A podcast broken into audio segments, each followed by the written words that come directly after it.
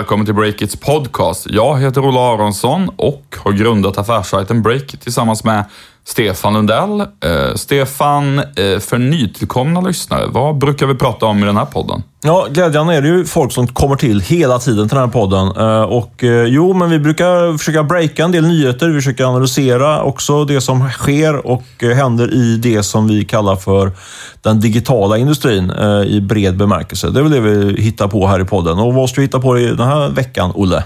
Jo, i det här avsnittet så ska vi avslöja techprofilernas okända miljardklipp i Spotify och så ska vi prata om potentiellt smutsiga affärer i e-handelssektorn.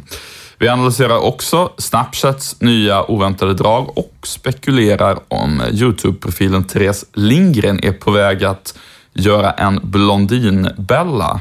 Eh, och dessutom i det här ovanligt matiga avsnittet får jag säga så ska vi snacka om varför Facebook fortsätter att sprida lögner om Elon Musk och så ska du Stefan rasa lite mot bitcoin. Mm, det ser jag fram emot, men lite senare i podden. Uh, ja, sjukt späckat är det här avsnittet med både nyheter och sponsorer, vilket vi såklart älskar.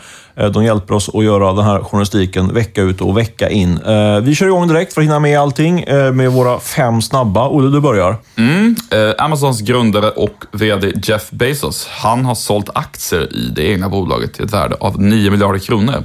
Och de här pengarna ska Jeff Bezos pumpa in i sitt rymdbolag Blue Origin. Mm, och nu är de självkörande bilarna här på riktigt även för oss vanliga dödliga. Eh, det är Googles ägarbolag Alphabet som har eh, börjat erbjuda in eh, privatpersoner att ta åkturer med deras självkörande bilar. Där det alltså inte kommer sitta någon förare vid ratten. Det låter spännande. Och lite skrämmande också kanske. Aha.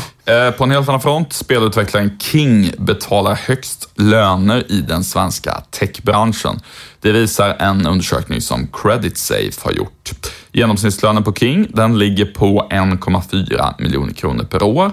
På Spotify till exempel så får de anställda nöja sig med en årslön på i snitt 800 000 kronor. Nu ska också vi som är över 20 eller över 45 faktiskt i mitt fall fatta hur Snapchat fungerar. Appens grundare Even Spiegel meddelade här i natt eh, i samband med att Snap Eh, Chat, eller Snap heter ju deras eh, ägarbolag, rapporterat riktigt dåligt kvartalsresultat. Att eh, nu håller man på att bygga om appen så att eh, även folk utanför kärnmålgruppen ska helt enkelt kunna använda den. Eh, vi ska prata mer om det senare. Mm, eh, och avslutningsvis i nyhetssvepet så visar Postnords e-barometer att E-handeln ökade med 15 procent det tredje kvartalet jämfört med samma period förra året. 15 procent alltså, rätt upp för e-handeln.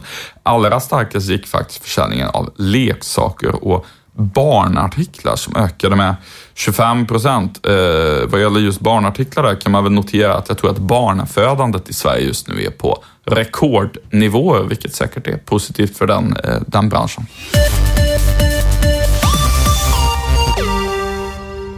Vår huvudsponsor i Breakits podcast är Rackfish, premiumleverantören av hosting och serverlösningar. Ja, och eh, Rackfish är ju ett entreprenörsdrivet bolag där grundarna har över 20 års erfarenhet av internetteknologi. Mm, det gillar vi och som entreprenörer, som ju vi är på Breakit, så gillar vi att Rackfish nu bjuder poddens lyssnare på halva priset på en server i ett, två eller tre år med 30 dagars öppet köp. Eh, en möjlighet att skaffa riktig kvalitetshosting till din startup. Under första året bjuder Rackfish dessutom på extra hög tillgänglighet som gör att din server räddas automatiskt om den skulle gå sönder mot förmodan. Mm, om det här låter intressant, gå in på rackfish.com breakit. Eh, rackfish.com breakit alltså. Och läs mer, eller så kan du ringa till Johan Olde som är VD där på 08 42 50 18 18 och diskutera dina behov. Yes, så är det. Vi är också glada att meddela att vi denna vecka sponsras av domänmäklaren Coldforce. De har eh, ytterligare ett starkt domännamn till salu som heter så mycket som inredning.se. Mm, det råder ingen tvekan om vad du säljer i din e-handel om du har ett sånt namn. Ja, att ha ett domännamn som är starkt, tydligt och helst sticker ut är ju en förutsättning får man väl säga för en framgångsrik e-handel. Eh, när vi drog igång Breakit så var domännamnet något som vi var tvungna att fundera mycket på. Ja, men verkligen. Eh, ett domännamn ska vara kort, det ska vara lätt att komma ihåg eh, och du ska kunna leva med det länge. Alltså, det ska gärna vara så pass brett att hela din verksamhet ryms inom det. Eh, om vi typ hade valt startupnyheter.se eller någonting så hade det kanske varit svårt att lansera i andra länder eller att ja, skriva om annat än startups för den delen. Mm, och om du som lyssnar på podden är intresserad av att förvärva domännamnet inredning.se så ska du gå in på coolforce.com eller på inredning.se för att läsa mer där hur det går till. Aktionen eh, på förra veckans domänman som var smink.se pågår just nu som bäst på Tradera. Eh, det ledande budet ligger på 123 000 riksdaler, så in och bjud om du vill ha den eh, väldigt attraktiva domänadressen smink.se. I princip aldrig en podd går utan att du ska snacka nyheter om Spotify, Stefan. Vad är det som du har grävt fram nu i veckan? Ja, jag är som en igel på Spotify. De vägrar prata med mig, men jag pratar med alla andra runt företaget och snokar eh, titt som tätt får man ändå säga upp lite nyheter kring Spotify. Uh, det, den här gången har jag tittat lite grann på, på ägarna, de stora ägarna kring Spotify. Uh, vi rapporterade ju i förra veckan, tror jag det var, att Norson och Creandum, de svenska riskkapitalbolagen, hade sålt ganska stora poster i Spotify och det ska vi credda D Digital för, för det var de som avslöjade det. Jag har fått det där bekräftat från mina källor också, för att vara riktigt på den säkra sidan. Eh, men det där är ju lite grann old news då, alltså att de har sålt. Men jag, det jag har gjort den här veckan är att lite grann på eh, hur det, den här, de här stora försäljningarna har påverkat männen, för det är eh, bara männen, männen bakom då, framförallt Norson som varit en stor ägare via sina fonder i Spotify. Och ja, det har varit en rätt hygglig affär kan, du, kan jag tänka mig. Ja, verkligen. Det, till, till att börja med, hur, hur mycket, vilka summor är det vi pratar om här? Det här är ju alltså ja, de tidigaste investerarna i Spotify som har varit i bolaget i, vadå, snart tio år eller åtta år eller något sånt där. Ja, men precis. Nej, men jag försöker ju på inrådan av dig, Olle, att man inte, inte droppar för mycket siffror här i podden. Men det blir lite, för det blir dåligt poddmaterial brukar det heta. Eh, och det är helt rätt också. Men eh, det blir lite sifferexercis här. Och om jag ska försöka konkludera det kort och koncist så vi kommer fram till själva poängen i denna nyhet. Men eh, Norson kom in som första externa ägare tillsammans med Creandum då bland annat eh, för ish, eh, 7, 8, 10 år sedan. Sånt där. Eh, och eh, Northson har ju sålt då aktier för ungefär 1,3 miljarder kronor till eh, svenska pensionsfonder för ungefär ett år sedan. Och man sitter också på eh, andra aktier i Spotify som idag är värderade till ungefär 6 miljarder. Eh, så summerar man ihop det där så sitter man på, eh, har man alltså eh, skapat värden i Spotify till eh, motsvarande ungefär 7,5 miljard. Eh, och den enkla eh, ekvationen då är att man har eh, fått ett värde på 7,5 miljard kronor ungefär och man har investerat under en halv miljard. Så man har ungefär en vinst på 7 miljarder kronor eh, att hämta hem i Spotify, varav en del redan har eh, cashats in så att säga. Just det. Eh, och det. Och det där är alltså då vad ja, hela fonden som alla möjliga pensionsfonder och så tidigare investerat i får de där 7 miljarderna. Men eh, sen så är det ju så att det finns enskilda privatpersoner också på Northzone. En, en liten grupp män som du nämnde tidigare som får en hel del pengar. Eh, du kanske kan berätta lite grann hur den här ersättningsstrukturen ser ut. Det är nog inte känt för, för allmänheten hur partners på riskkapitalbolag ersätts för investeringar som de har gjort. Nej, men precis. Eh, så om vi håller oss kvar den där, de där sju miljarderna som är någon form av eh, potentiell reavinst i Spotify, så är, ser den här ersättningsmodellen ut för, i ett riskkapitalbolag. Alltså man, det, är ju, det är ju institutioner och, och, rika privatpersoner som investerar i de här riskkapitalfonderna och sen så är, är det då ett gäng som förvaltar de här pengarna genom att göra investeringar i, i olika techbolag, till exempel Spotify. Och om det då går så bra som, som det har gått i investeringen i Spotify så är det så att man eh, som investerare är garanterad eh, en 7-8 procent i årlig avkastning. Men när, när, man väl har skickat iväg den avkastningen till investerarna så delar man på, på all överavkastning mellan investerarna och de som förvaltar fonden. I det här fallet då Per-Jörgen Persson och Hans Otterling som framförallt står bakom eh, Norson. Eh, så i det här fallet, om vi ska räkna på hur mycket pengar eh, eh, de får ut då i samband med att man cashar in i Spotify, så ser kalkylen ut som sådan att man, när man räknar bort den här överavkastningen så har vi kvar ungefär 7 miljarder kronor som man ska dela då mellan investerarna och de som förvaltar pengarna. Eh, och då är det normalt att man får 20 procent utav den här överavkastningen tar förvaltarna. Så då är det alltså 20 procent på 7 miljarder som eh, Per-Jörgen Persson, Hans Otterdeng och ytterligare 3-4 eh, partners i Northzone får dela på. Vilket innebär att de får dela på ungefär mellan 1 och 1,5 miljard kronor då, i fallet Spotify. Det var ju rejält med pengar får man säga. Det, det, det blir en enorm affär för dem som privatpersoner får man säga. Kan nästan starta sin egen fond efter det. Ja, det är väl det som det spekuleras lite grann om att både, både Hans Otterling och eh, Per-Jörgen Persson kanske kommer hoppa av Norson eh, snart och kanske, ja, antingen lever de väl på räntan eller så, så kör de ett sitt eget race, så att säga. Nu, eh, utanför Norsons sfär. Det är ju väldigt mycket pengar. Tycker du att det är ett problem att de, att de får så mycket, de här fondförvaltarna? Ja, inte jag som marknadsliberal. Jag tycker att det, det, är väl fair att de har liksom eh, lyckats skapa så otroligt eh, stora värden. Precis som när jag gladeligen betalar rejäl provision till våra annonssäljare så, så får väl de här killarna som är duktiga på att förvalta pengar också få en massa pengar eh, i, in på sina privata konton. Men däremot så tror jag ändå att det kan vara ett problem både för Per-Jörgen Persson och Hans Ottling eh, eh medialt och opinionsmässigt. Eh, inte minst i de här paradisläckor-dagarna så att säga. Det finns ju, jag tror det är ganska okänt, om, okänt hur mycket de här de här herrarna har eh, dragit in helt enkelt på, på techinvesteringar. Eh, det har varit väldigt mycket debatt om eh, de här mer eh, som säga, eh, äldre riskkapitalbolagen, EQT, Altor, eh, Nordic Capital. De har ju verkligen hängts ut i, eh, inte minst i affärspress och inte minst av mig själv får jag säga. Eh, jag har skrivit en hel del om det här. Eh, men den debatten har ju liksom aldrig nått eh, de här lite mer hippa och eh, coola VC-firmorna, venture capital-firmorna. Just det. Och det, det, det handlar om där egentligen, det, ju, det, finns ju dels en debatt då om att de har vad ska man säga, sin ägarstruktur utomlands på brittiska kanalöar och så med, med låg skatt.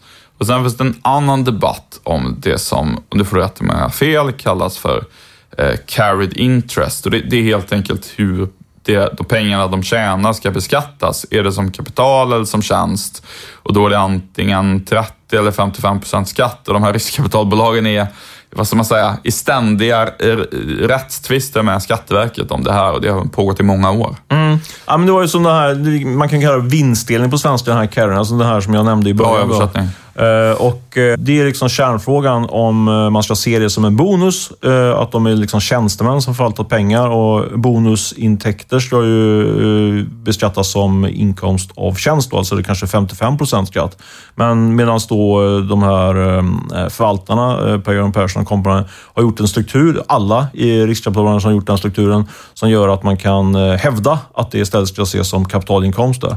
Eh, och där har de tvistat om i ganska många år, men eh, ja, enkelt sett så, så är det klart att det sticker väl ögonen på i alla fall en del att man bara betalar då 25-30% skatt istället för eh, 50-55% skatt på, på de här enorma intäkterna. Och Det där tror jag kan vara en debatt som så att säga kan lite grann explodera i ansiktet på dem, inte minst nu när när Spotify snart kommer noteras eh, och då kommer det sättas väldigt mycket strålkastarljus liksom på allting som har eh, med Spotify att göra. Mm. Det, det, märkte vi med Martin Lorentzon som också sitter, som är grundare av Spotify tillsammans med Daniel Ek. Han sitter ju i Telias styrelse och äger sina aktier i Spotify via ett bolag som är baserat i ett skatteparadis. Och det där blev ju väldigt mycket debatt om, trots att eh, Lorentzon inte på något sätt hade brutit mot någon lag och sådär. Så det, ja, jag tror att det kan vara en liten tickande bomb för, eh, för herrarna Ottering och Persson där. Ja, verkligen. Och sen så tycker jag det är väldigt intressant så som vi skrev om i, i veckan att eh, det är ju faktiskt så att många av de här fonderna som då är placerade på typ brittiska kanalöar med låg skatt har investerare som är svenska pensionsfonder, så att det liksom är halvsanktionerat av svenska staten på något sätt ändå, i och med att de ändå vill vara med och investera i de här fonderna för att få avkastning från vad som kan bli nästa Spotify. Så, så det är en väldigt komplext, komplicerad fråga där eh, väldigt många olika, inklusive alla vi svenska pensionssparare egentligen, har något litet finger i, i varje syltburk känns det som. Eh, du, vi får se om den här debatten tar fart på allvar eller inte kring just Spotify. Hittills är det ju Leif Östling och andra som fått ta, har fått ta de tyngsta smällarna. Eh, men vi går vidare på eh, det raka nyhetsspåret kan man väl säga. Du Stefan har ännu en, en nyhet att leverera. Ja, jag hoppas det i alla fall. Det är ju som lite grann signerat Stefan och lite spekulativt, men det handlar om Therese Lindgren, en av Sveriges populäraste YouTube-stjärnor. Hon, tror jag, är på väg att göra någonting liknande som Isabella Löwengrip eh, redan har gjort med, sitt, eh, med sin plattform eh, Blondinbella bloggplattformen som innebär att Isabella Löwengrip via sin Blogg eh, har investerat i en rad bolag och byggt upp en massa spännande startups kan man väl säga, eh, genom den här plattformen som hon når över en miljon eh, varje vecka. Och nu är Therese Stinger på väg att göra något liknande, tror jag. Eh, Therese Stinger har ju redan idag ett samarbete med ett, eh, en skönhets, eh, ett skönhetsmedelbolag, CCS, som säljer sina prylar på apoteken bland annat. Hon har en skönhetsserie tillsammans med dem. Men det som jag har uppmärksammat nu är att hon har startat ett eh, bolag bolag med CCS. Eller rätt sagt, det har startats ett bolag bara för ett par veckor sedan eh, som ska sälja skönhetsprylar och i den här styrelsen sitter eh, Therese Lindgren tillsammans med bland annat vdn och marknadschefen för CCS. Så jag tror att de har startat det här bolaget tillsammans och eh, eh Therese Lindgren får ägarandelar i, i det här bolaget. In, alltså man inte får någon form av provis bara på det, de här skönhetsgrejerna som man säljer, utan man tar en aktiv och blir mer liksom mer entreprenör i, i det här fallet. Det låter ju som en, en, en klon egentligen av eh, det som Isabella Löwengrip har gjort väldigt framgångsrikt. Att man egentligen istället för att, ja, citat, bara, slutcitat, sälja annonser, eh, så startar man sin egen e-handel istället som, som influencer. Det har, det har ju gått väldigt bra i raka ekonomiska termer för Löwengrip där. Uh, ja, men vi, vi får se. Det där, var, det är ju en kittlande trend om man tänker att varenda influencer skulle börja göra sådär på sikt. Uh, nu ska jag leverera lite, lite nyheter här. Nu, nu är det min tur att glänsa lite grann. Ja, nu ser vi fram emot. Du flaggade här precis innan vi gick in i poddstudion att du hade ett tungt avslöjande. Ja, om... det, det, det, är inte så mycket det avslöjande. Jag uppmärksammar en trend kan man säga. Ja, ja, men det är minst lika intressant. Mm -hmm. Det handlar i alla fall om... Det, du sa i alla fall en rubrik till mig som var löd som följer, som jag ska läsa upp här, så får du utveckla den lite mer. Du ska prata om det smutsiga affiliate-kriget som nu är på väg att komma till e-handeln. Det där får du utveckla. Mm, kvällstidningsrubrik. Um, jag funderar ju ibland på eh, vilka som är de mindre uppenbara vinnarna på omvandlingen av handeln mot mer e-handel och mindre fysisk butik. Uh, hittills har man ju sett att uh, bolag som sysslar med betalningar framförallt har varit uh, väldigt tydliga vinnare, typ Klarna och så. Ehm, men det finns ju också liksom andra vinnare så där vid sidan av på att e-handeln nu växer så starkt. 15 procent nämnde du ju i, i början på podden. Um, och här tror jag att de så kallade affiliate-bolagen kommer in.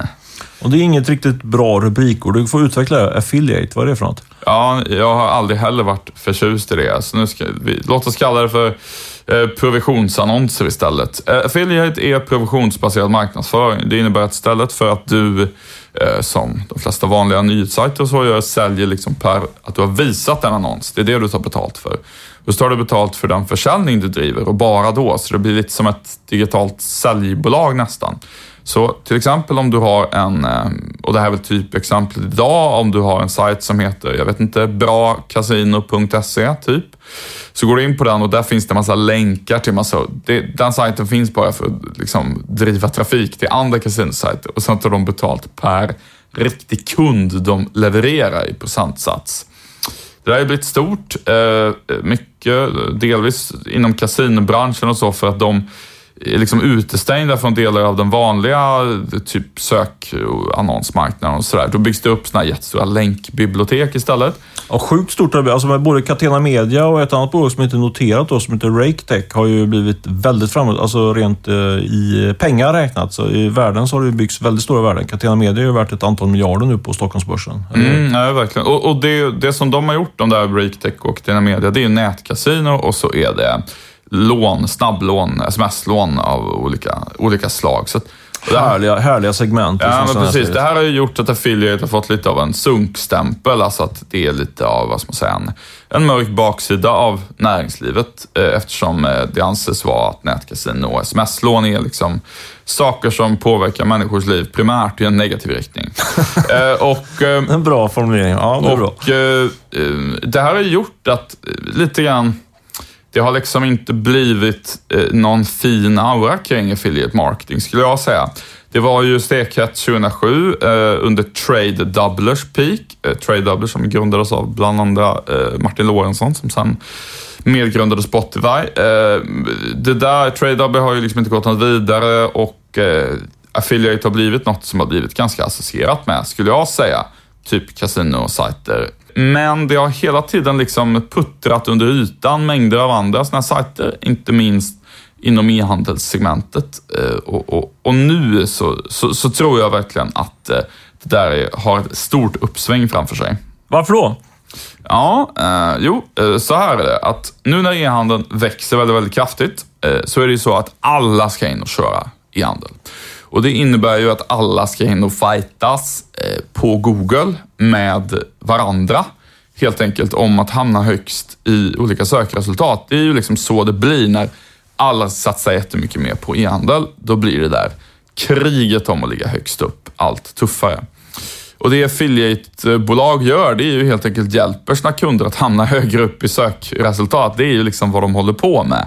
Och eh, en fördel där, det är att ehm, de kan liksom sälja till alla aktörer i branschen. För om en aktör som säljer skor på nätet börjar köpa affiliate marketing och på så vis hamnar högre upp, då blir det lite terrorbalans i och med att det bara finns ett Google. Så då, då måste liksom andra också göra det där. Eh, och det där har vi ju liksom börjat se nu en trend med flera större bolag som egentligen är affiliate för e-handel som börjar storsatsa. Vi har ju Price Runners som egentligen är affiliate för e-handel, får man väl ändå säga.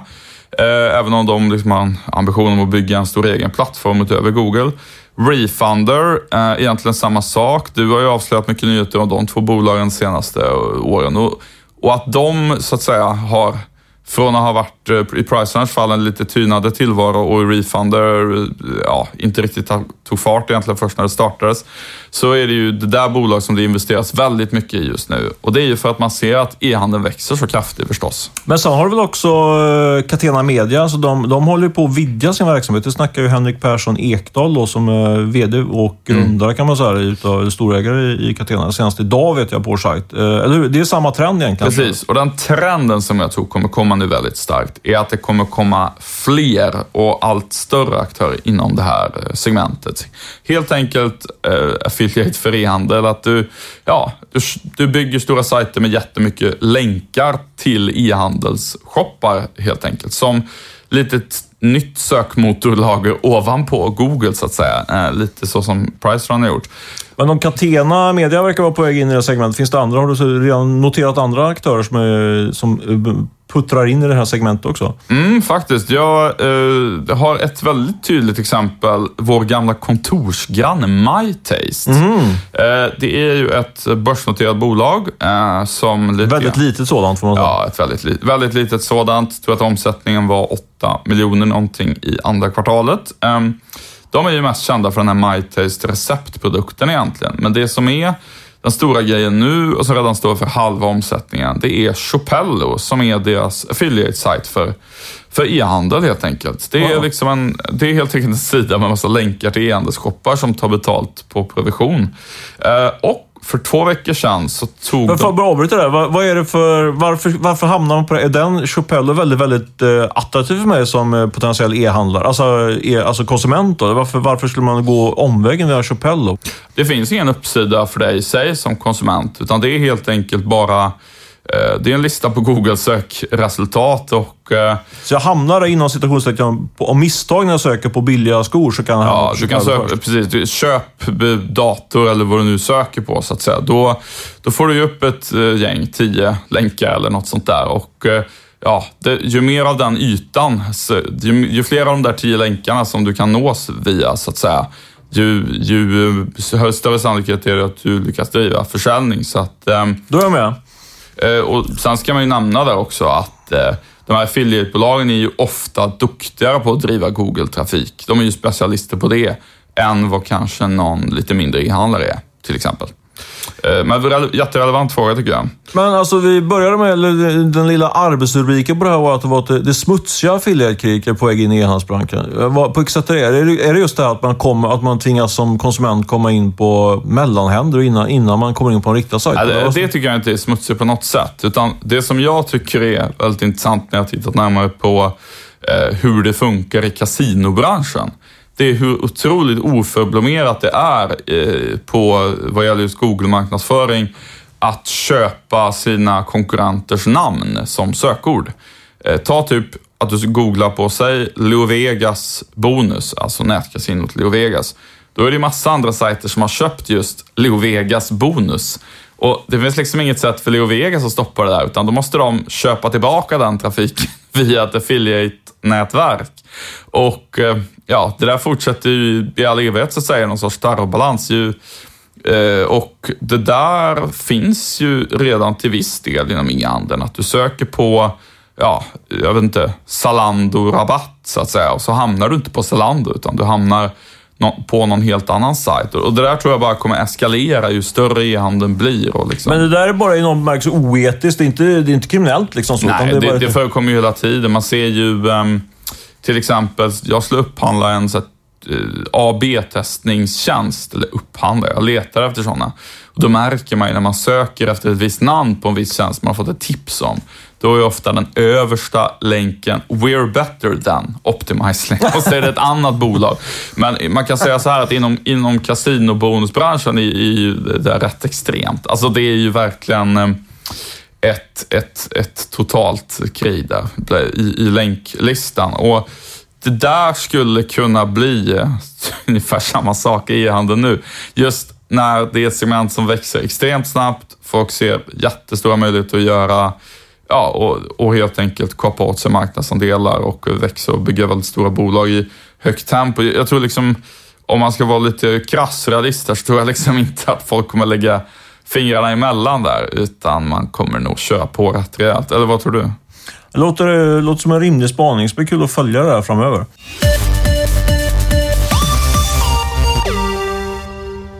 Den här veckan är den affärsjuridiska byrån Jansson Norin tillbaka som sponsor av podden. Det är vi glada för. Och Jansson Norin de vill gärna berätta lite om EUs nya dataskyddsförordning, GDPR, som ersätter den gamla personuppgiftslagen PUL i maj nästa år. Om ditt företag lagar personuppgifter digitalt påverkas ni av GDPR oavsett om det handlar om stora datamängder eller kanske bara lönedataregister över er egen personal faktiskt. Ja, eh, många pratar om riskerna för hur dyrt det kan bli om man gör fel, eh, men det finns faktiskt också många konkurrensfördelar för de företag som engagerar sig i att göra rätt. Mm, Jansson Norin har faktiskt blivit lite av experter inom GDPR och erbjuder många olika tjänster för att hjälpa företag att göra rätt och på så vis få chans att göra bättre affärer.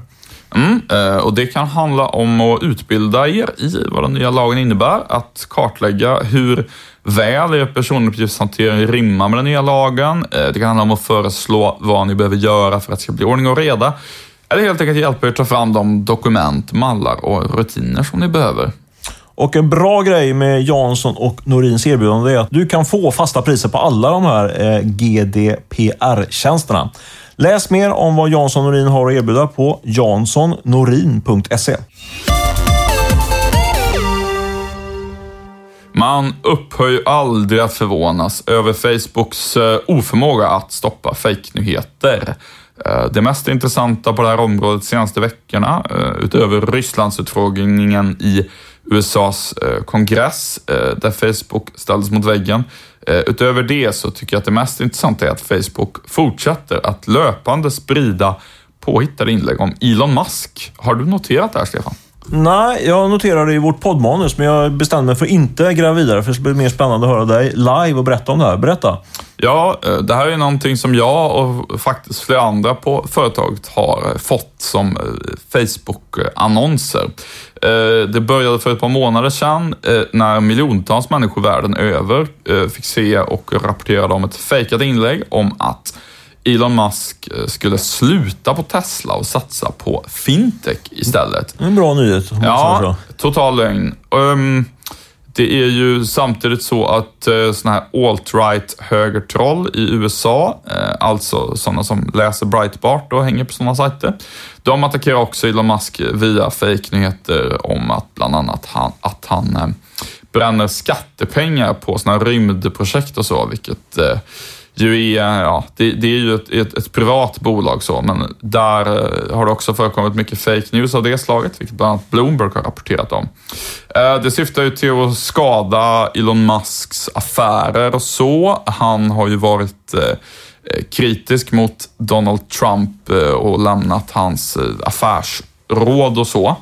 Uh, och nu så har det här eh, fenomenet kommit i en ny version på svenska faktiskt. På svenska? Underbart. Kan till och med jag förstå det. Men, men skämt åsido, vad, alltså, vad är fake skrivna på svenska mot en svensk publik då? Mm, precis. Det är det här som jag precis har upptäckt här nu. Uh, jag levde ju någonstans i tron att Facebook, efter att det har varit flera sådana här stora grejer vad gäller just Elon Musk, skulle ha ja, slagit ner mot det. Det kan ju faktiskt handla om marknadsmanipulation, någon som försöker få en eh, aktie att gå ner, Tesla-aktien att gå ner eller sådär. Men det här fortsätter att komma och senast igår så fick jag en, eh, vad som verkar vara en Google Translated eh, nyhet med Elon Musk.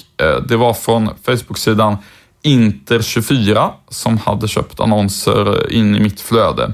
De spred en fejkad eh, Elon Musk-nyhet. Eh, på svenska stod det miljardären Elon Musk vänder sin uppmärksamhet mot att hjälpa svensk arbetsstyrka. Klassisk Google Translate. Ja, eh, och, och, och, och, sen var det någon rubrik om att man skulle investera i bitcoin som var helt obegriplig. Hur nu det hänger ihop med Elon Musk. Eh, I varje fall, ehm, jag gick in och tittade på den här Inter 24 faktiskt och försökte ta reda på vad är det egentligen för någon aktör som står bakom det? Mm. Vad kom du hitta då i ditt grävande? Ja, det, är, det var... Eh, det tog bara någon halvtimme och sådär att gräva fram följande. Eh, mm. Bolaget, eller vad man nu kallar det, heter Ponyona. Eh, det finns på ponyona.com. De har en svensk flagga på sajten för att liksom signalera att det här är en fin, hederlig svensk sajt, vilket det förstås inte överhuvudtaget är. Eh, de sålde lite t-shirts och annat, hade någon som någon sorts lite oklar affärsverksamhet. Eh, påminde lite om en casino affiliate site, apropå tidigare ämnen i, i podden. Men, det, men det var, den var på svenska då, sajten eller? Ja, det, precis. Den, den, var på svenska. Eh, det fanns flera andra liksom svenska nyhetspuffar där utöver Elon Musk. Men när man tittar närmare på var Ponyona var baserat någonstans så såg man att Företaget hade en adress i ett litauiskt industriområde i utkanten av huvudstaden Vilnius. Eh, jag har faktiskt mejlat på Neona nu eh, med lite eh, påhittade affärsförslag så, apropå fake news, påhittat.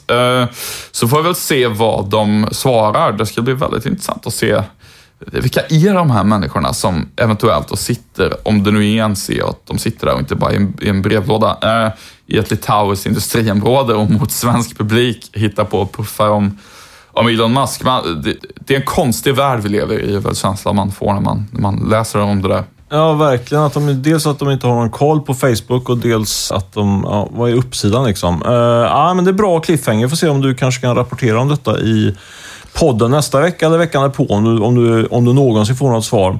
Jag känner nu starkt att vi måste prata lite om kryptovalutor. Eh, det har ju varit liksom en, eh, en hype som har gått lite upp och ner, men nu, nu eh, känns det som det är någon form av crescendo här om man tittar på Bitcoinkursen är ju upp, eller jag tror den är över 7000 dollar nu och alla, väldigt många som jag stöter på, Eh, är ju nu inne och, köper hej vilt i olika typer av kryptovalutor, bland annat bitcoin. Ja, men verkligen. Jag fick ett sms från en nära vän till mig i förra veckan faktiskt.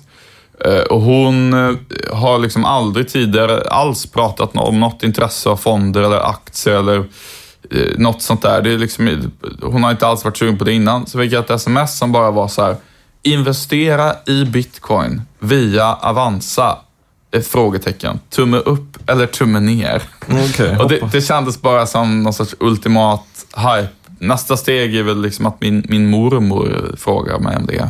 Ungefär så kändes det. Ja, jag åker nästan aldrig taxi numera, men alltså en klassisk indikator när taxichaufförerna börjar prata om aktier och köpa aktier. Och jag misstänker att de pratar väldigt mycket om, om bitcoin nu också, om jag ska vara lite fördomsfull.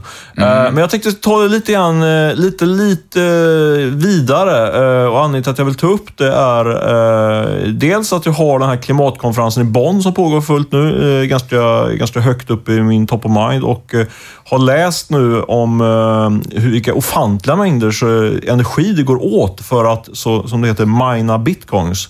Eh, men innan, innan jag går igång och rasar här så tänkte jag att du skulle förklara, Olle, på ett mycket bättre sätt än jag. Vad är egentligen mina bitcoins? Så att folk är med.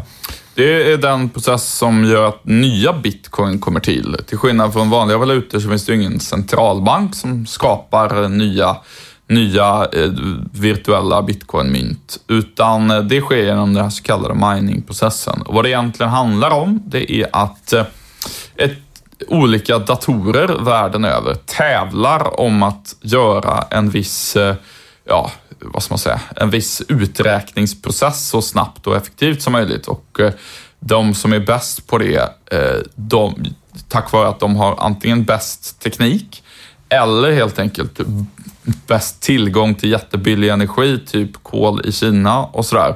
Eh, de, de får nya, nya bitcoin och det har gjort att det har uppstått, som ju till exempel de hallarna som KNC Miner byggde innan de gick i konkurs uppe i, eh, i norra Sverige, att det har uppstått en enorm industri med jättestora datorhallar som, som står där med enda syfte är att skapa nya virtuella pengar egentligen. Eh, otroligt liksom, om man liksom aldrig hade hört talas om det här och hade fått höra om hur det fungerar nu, bara från ingenting, då tänker man ju bara science fiction-roman. Det är Ja, ju det otroligt konstigt att det står bara fabriker som skapar påhittade pengar som... Och det är bara för att alla är överens om att bitcoin har ett värde som det har ett värde. Och det, är, och det är väl fair att de står där och, och gör någonting som man undrar, skapar någon värde egentligen? Eller vad, vad är det liksom? Det är en sak, det kan man diskutera. Men det här är ju nu uppenbart att det också skapar en massa, massa, massa negativt för samhället. För jag läste precis här, eller igår kväll, fick jag en väldigt intressant artikel skickad till mig kring eh, hur mycket då, eh, energi det kostar för att mina de här bitcoinen. Ibland då med kinesisk, eh, kine, från kinesiska kolkraftverk. Då. Det kan man ju själv tänka hur bra det är för klimatet. Eh, och eh, eh, Det är så här att för att mina då en bitcoin, och det minas ju många, många, många bitcoins varje dag. Eh, det, det, det är bara, bara dra fram en bitcoin då, eh, så drar det lika mycket el för att värma upp ett hus i en hel vecka. Och om man drar det här lite vidare, eh, så, och nu pratar vi bara om bitcoin. Det finns ju tusentals kryptovalutor, men bara bitcoin som är den största kryptovalutan. Eh, kapaciteten för att mina bitcoins just nu är motsvarande hela elkonsumtionen eh, för hela Nigerias befolkning som är på 190 miljoner invånare. Det är ju helt galet ju. Alltså, vad, snacka och stå, inte elda upp pengar, utan elda elda, eller elda för kråkorna, utan man förstör miljön samtidigt som, som, eh, som man bara eh, bidrar till någon form av gigantisk, måste man ändå säga, spekulationsbubbla. Jag blev faktiskt lite upprörd när jag, när jag fick, eh, fick upp ögonen på riktigt för det här. Eh, men det kanske är ingen nyhet för dig, Olle, eller vad säger du? Det, det har ju absolut, alltså jag har ju vetat att det krävs enorma mängder energi så, men då har väl jag ja, mest tänkt på de svenska exemplen när det handlar om ja, vattenkraften och sådär. Sverige har ju, i just de, de bitcoinhallarna där har jag haft väldigt god tillgång på ren energi, så då har jag inte tänkt på det på det, på det sättet. Men nu på sistone har det ju skrivits flera utmärkta artiklar som har dykt upp i mina flöden också om det här och då har jag tänkt att det här kan ju inte vara hållbart. Eller det är, det är, det är ohållbart för livsbetingelserna på den här planeten, att vi ska ägna oss åt sånt här. Ja, men faktiskt. det, eller hur? Ja.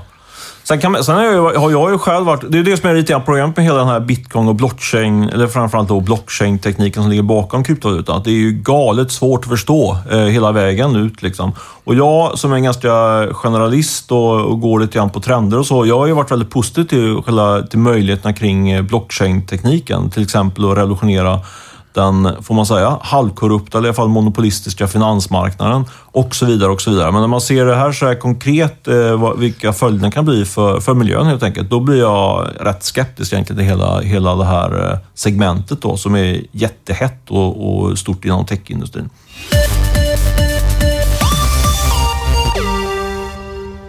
De senaste veckorna har vår sponsor Collector Bank flaggat för en omfattande rapport om e-handel inom business to business, alltså företag som säljer till andra företag online. Yes, och rapporten presenteras i januari 2018, men Collector kan redan nu avslöja att B2B-företagens bild av läget ligger en bra bit ifrån marknadsförväntningar. Mm, en liten slutsats man kan dra nu redan alltså är att digitala försäljningskanaler blir superviktiga för dig som business to business-handlare om du vill hänga med i utvecklingen. Ja, och Collectors lösning på det här, den heter B2B Checkout, eh, som erbjuder samma enkla och flexibla betalningsmöjligheter eh, som jag som privatperson är, van vid eh, när jag köper böcker, kläder och så vidare online. Och med B2B Checkout slipper man registrering, kan välja 30 dagars faktura och handla för större belopp. Läs mer om tjänsten och framförallt den kommande business to business-rapporten på collector.se convert.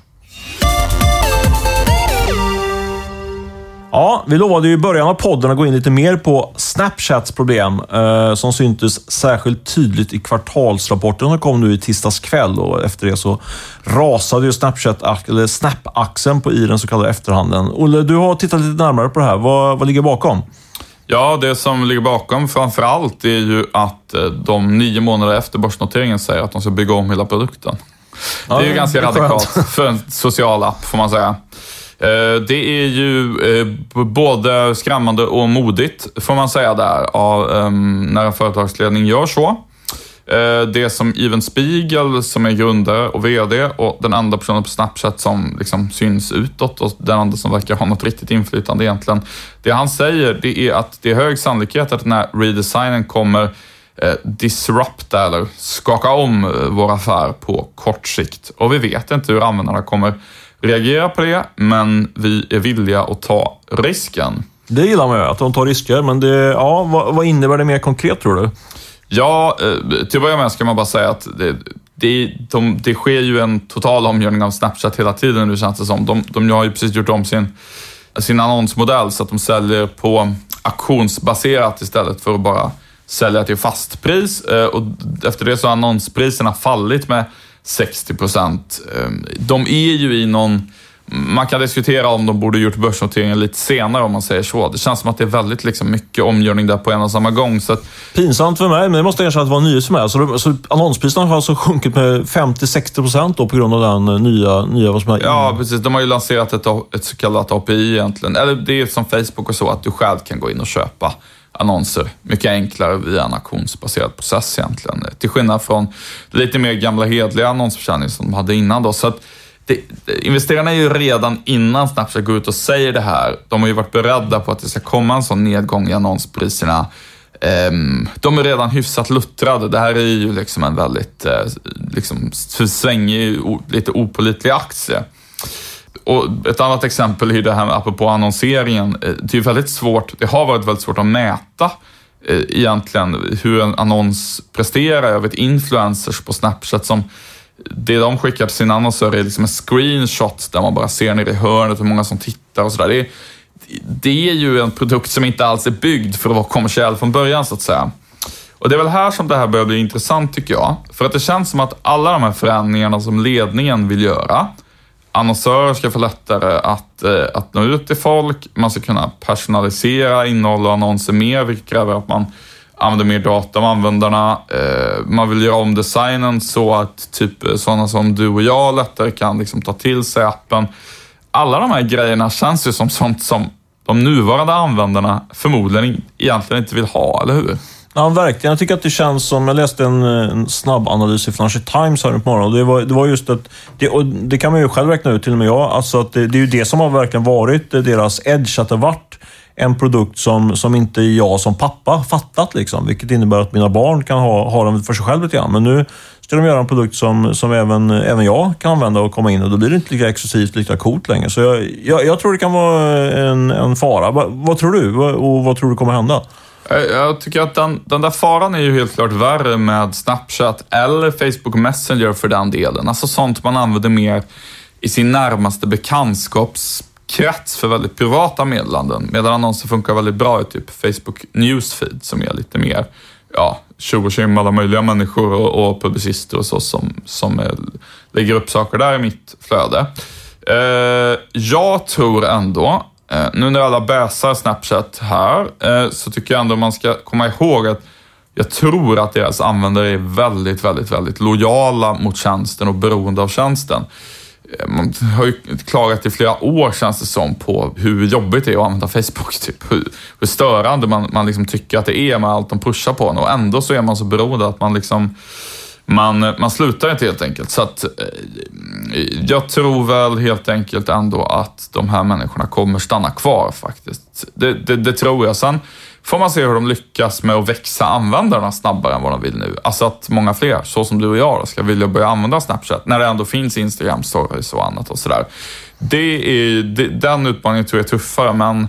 Jag är ju själv lite sugen på, för jag har ju verkligen försökt börja använda Snapchat, men jag har ju liksom inte fastnat i det. Utan, och jag, det kanske är bra i och för sig för min, mitt prata liv, att jag får lite mer tid för annat än titta på olika, olika sociala mediekanaler. Men eh, alltså man ska komma ihåg där att sådana som du och jag har ju redan, i mitt fall då Facebook, Instagram och Twitter. Alltså lite grann hamnar man ju i någonstans Alltså folk, det är lite grann som att folk inte kommer att prenumerera på 15 olika nyhetssajter samtidigt. Alltså, det, det, det blir ju liksom fullt någonstans i, i ens liv. De här tjänsterna bygger på att de ska ha så otroligt många användare. Men alla kan ju liksom inte ha sju sociala medier. Det, det tror jag faktiskt inte. Nej, men så är det, så är det verkligen. Och, uh, ja, vi får se hur det landar någonstans. Instagram är ju, är ju en väldigt rising star i den här lite yngre målgruppen. Så uh, frågan är om de lyckas uh, komma tillbaka då, Snapchat och även kommersiellt. Vi får se, vi får se. du, innan vi rundar av här så måste vi se till att komma med lite spännande erbjudanden också, rent innehållsmässigt. Eller hur? Vi, ska, vi kör Fintech Stockholm, vårt event här den 15 november på Berns. Uh, du ska leda det Olle ihop med uh, din vän på Finansliv. Vad är det hon heter? Agneta, Agneta Jönsson. Just Precis, det. som är publisher på Finansliv. Vad ser du fram emot? En sak där. Vad ser du fram emot där?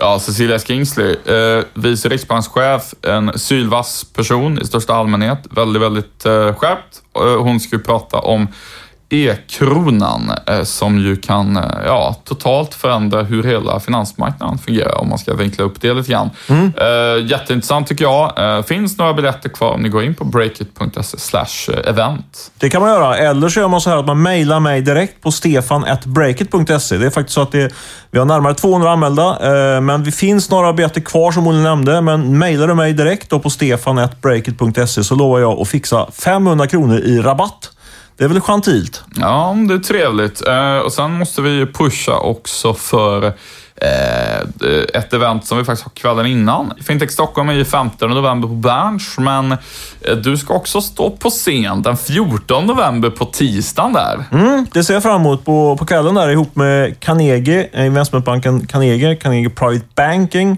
Eh, vi kör ett event där vi tittar lite närmare på, eh, på börsen och alla bolag som rusar dit i techsektorn. Är det verkligen sunt? Eh, ska alla vara på börsen och vilka är riskerna med att dels som investerare eh, och gå in i den här typen av nya bolag, men också Eh, som entreprenör, hur ska man tänka? Fått ihop en riktigt spännande panel där med Fredrika Guldfot på Simris Alg som gick, tog sitt bolag på börsen för knappt ett år sedan. Vi har Adam Kostial som är noteringschef för Nasdaq och så har vi David Karlsson, aktiechef på Carnegie. Och det här eventet är gratis. Vi bjuder till och med på lite tilltugg och vin och så vidare. Eh, och jag kommer pressa de här personerna. Eh, jag måste säga att det har varit otroligt trevligt. Jag, jag var ju på um eh, senaste eventet i Malmö, senaste eventet i Stockholm och då var jag liksom där för att ja, inspektera Breakits verksamhet, träffa läsare och, och så mer. Sådana såna grejer. Så stod jag inte ens på scen.